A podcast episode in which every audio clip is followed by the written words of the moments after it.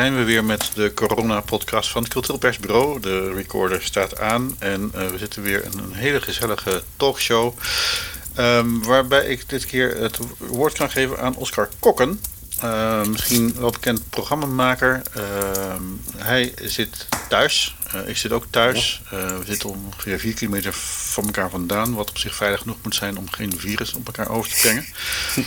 um, Oscar, uh, Oscar even, uh, even vertellen. Jij, jij, jij, jij bent programmamaker, even heel kort. Wat, wat, wat houdt dat in? Dat houdt zoveel in dat ik volledig afhankelijk ben van het publiek. Ja. En dat is nu best wel een probleem, want ik doe normaal gesproken, ik maak talkshows, live interviewprogramma's, ik presenteer veel, doe dagvoorzitterschappen om ook te zorgen dat de rekeningen een beetje betaald worden.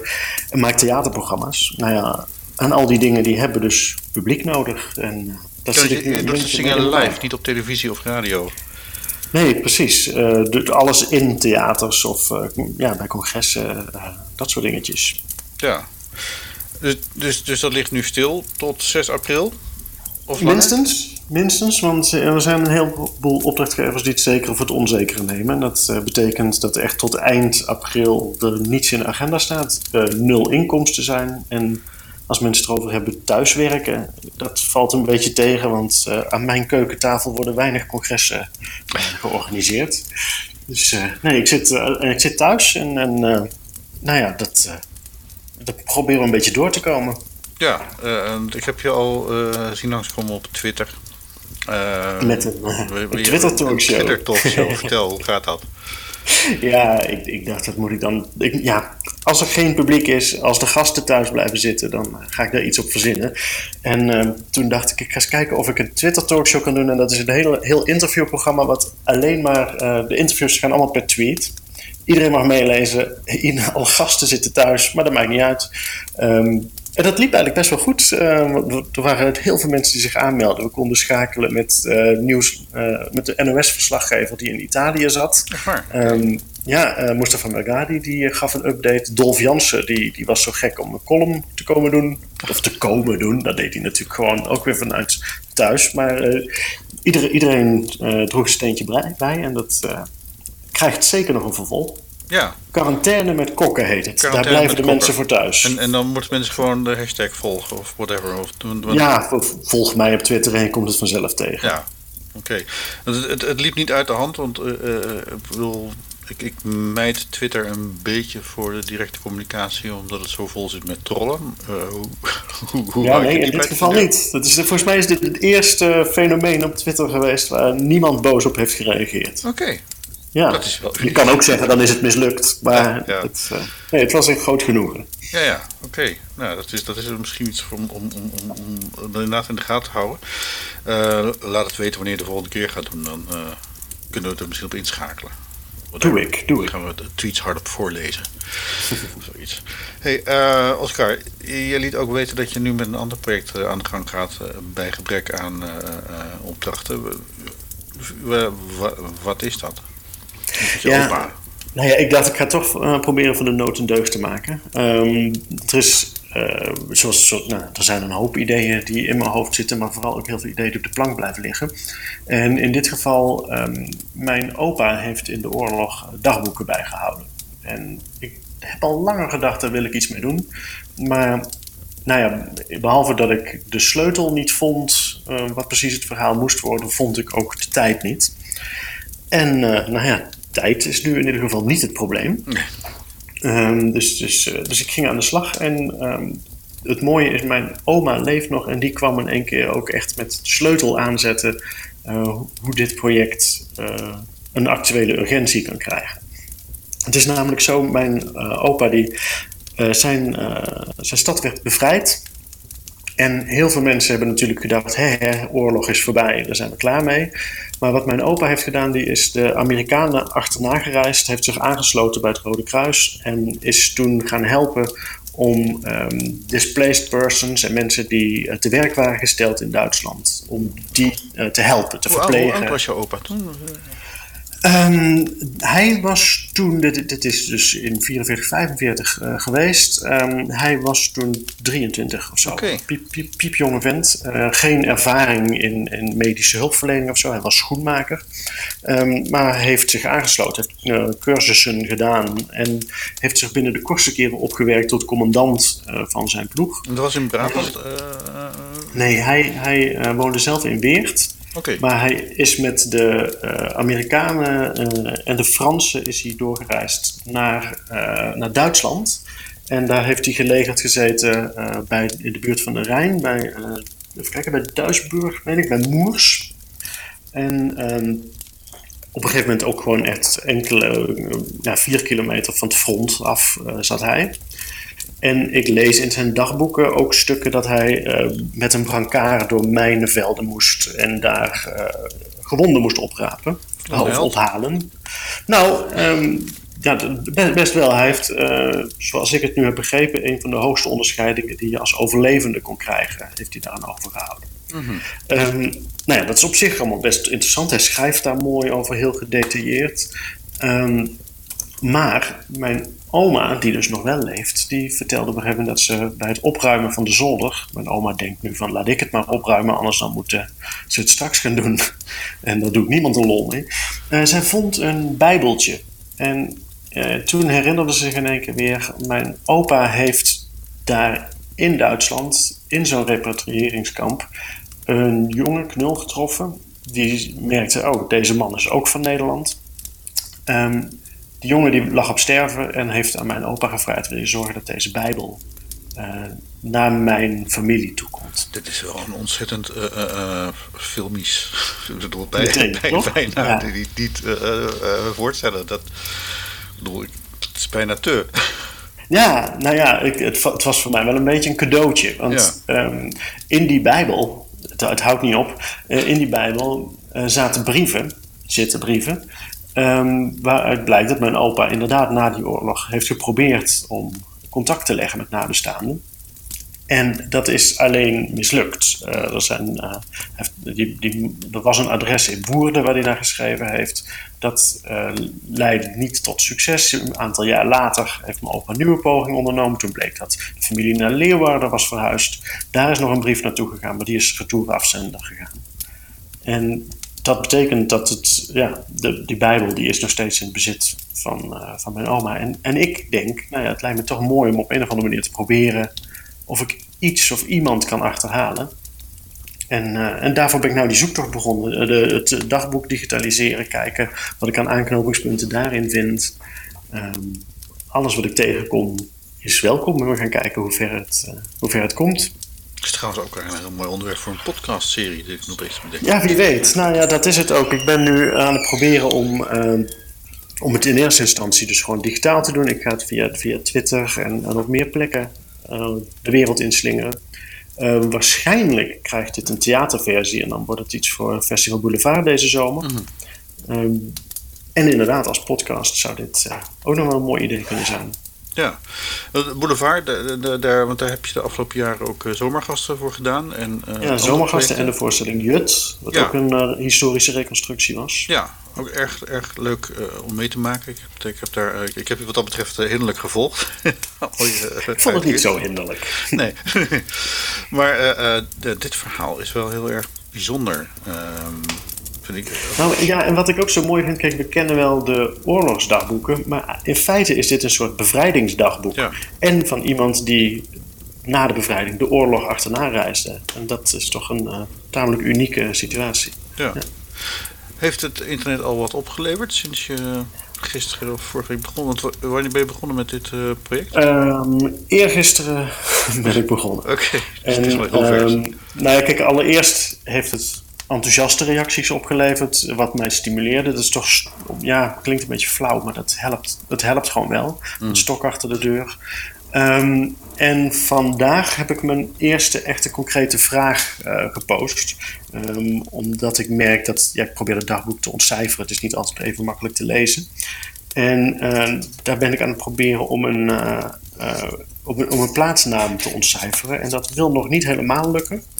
Buusmanschaft, maar dat is niks. Dat is wat ik ervan lees. Uh, maar ik heb het op mijn Twitter gezet en uh, ik uh, zie dat er reacties binnenkomen. Ik zou inderdaad langskomen. Busmanschaft, het kan ook... Dat lijkt me geen plaats inderdaad, maar meer een soort aanduiding voor een legeronderdeel of zo? Of? Ja, zoiets zou kunnen. Um, maar wat ik er ook over Google, ik kom niet tot iets wat erop lijkt. En nou zitten er wel vaker gewoon fonetische spellingen in dit dagboek. Waar ik leuk aan het proberen ben wat het kan zijn. Namen van, van commandanten. Van, maar dit zou ik nou. Ik, het, het, vervolgens begint elk, elke nieuwe pagina Kijk, zoals het eerst Moers 23 maart 1945 is. Nou, Moers bestaat. Nu is het al een poosje buursmanschap. ja, maar waar is dat dan? Ja. En uh, ga je het niet gevonden, maar ik, roep de hulp van, uh, van het publiek in.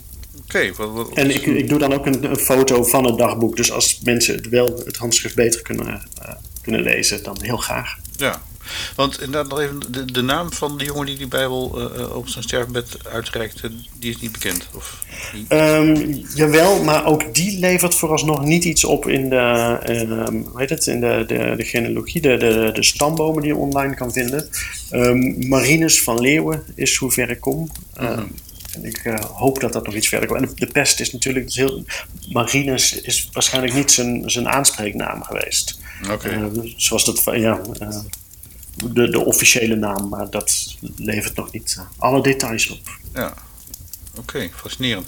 Dat ja. is natuurlijk wel in, in de Rode Kruisarchieven waarschijnlijk, maar dan ook waarschijnlijk alleen maar als Marines van Leeuwen en niet, uh, geen, geen verdere nee. dingen. Nee, nee ook, ook de nabestaanden, dat is lastig. Maar ik, ik ben in contact in ieder geval nu met het Rode Kruis Weert. Um, dus die gaan me helpen om hun archief in ieder geval uh, open te stellen.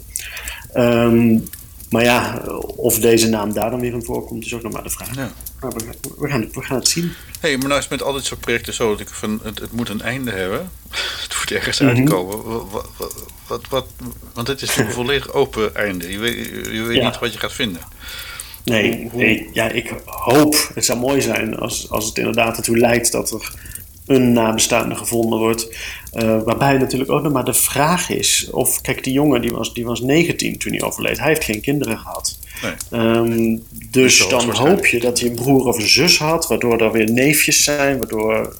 Um, maar dit roept ook meteen de vraag op: wat betekent het eigenlijk als je geen nabestaanden hebt? Wat laat je dan na?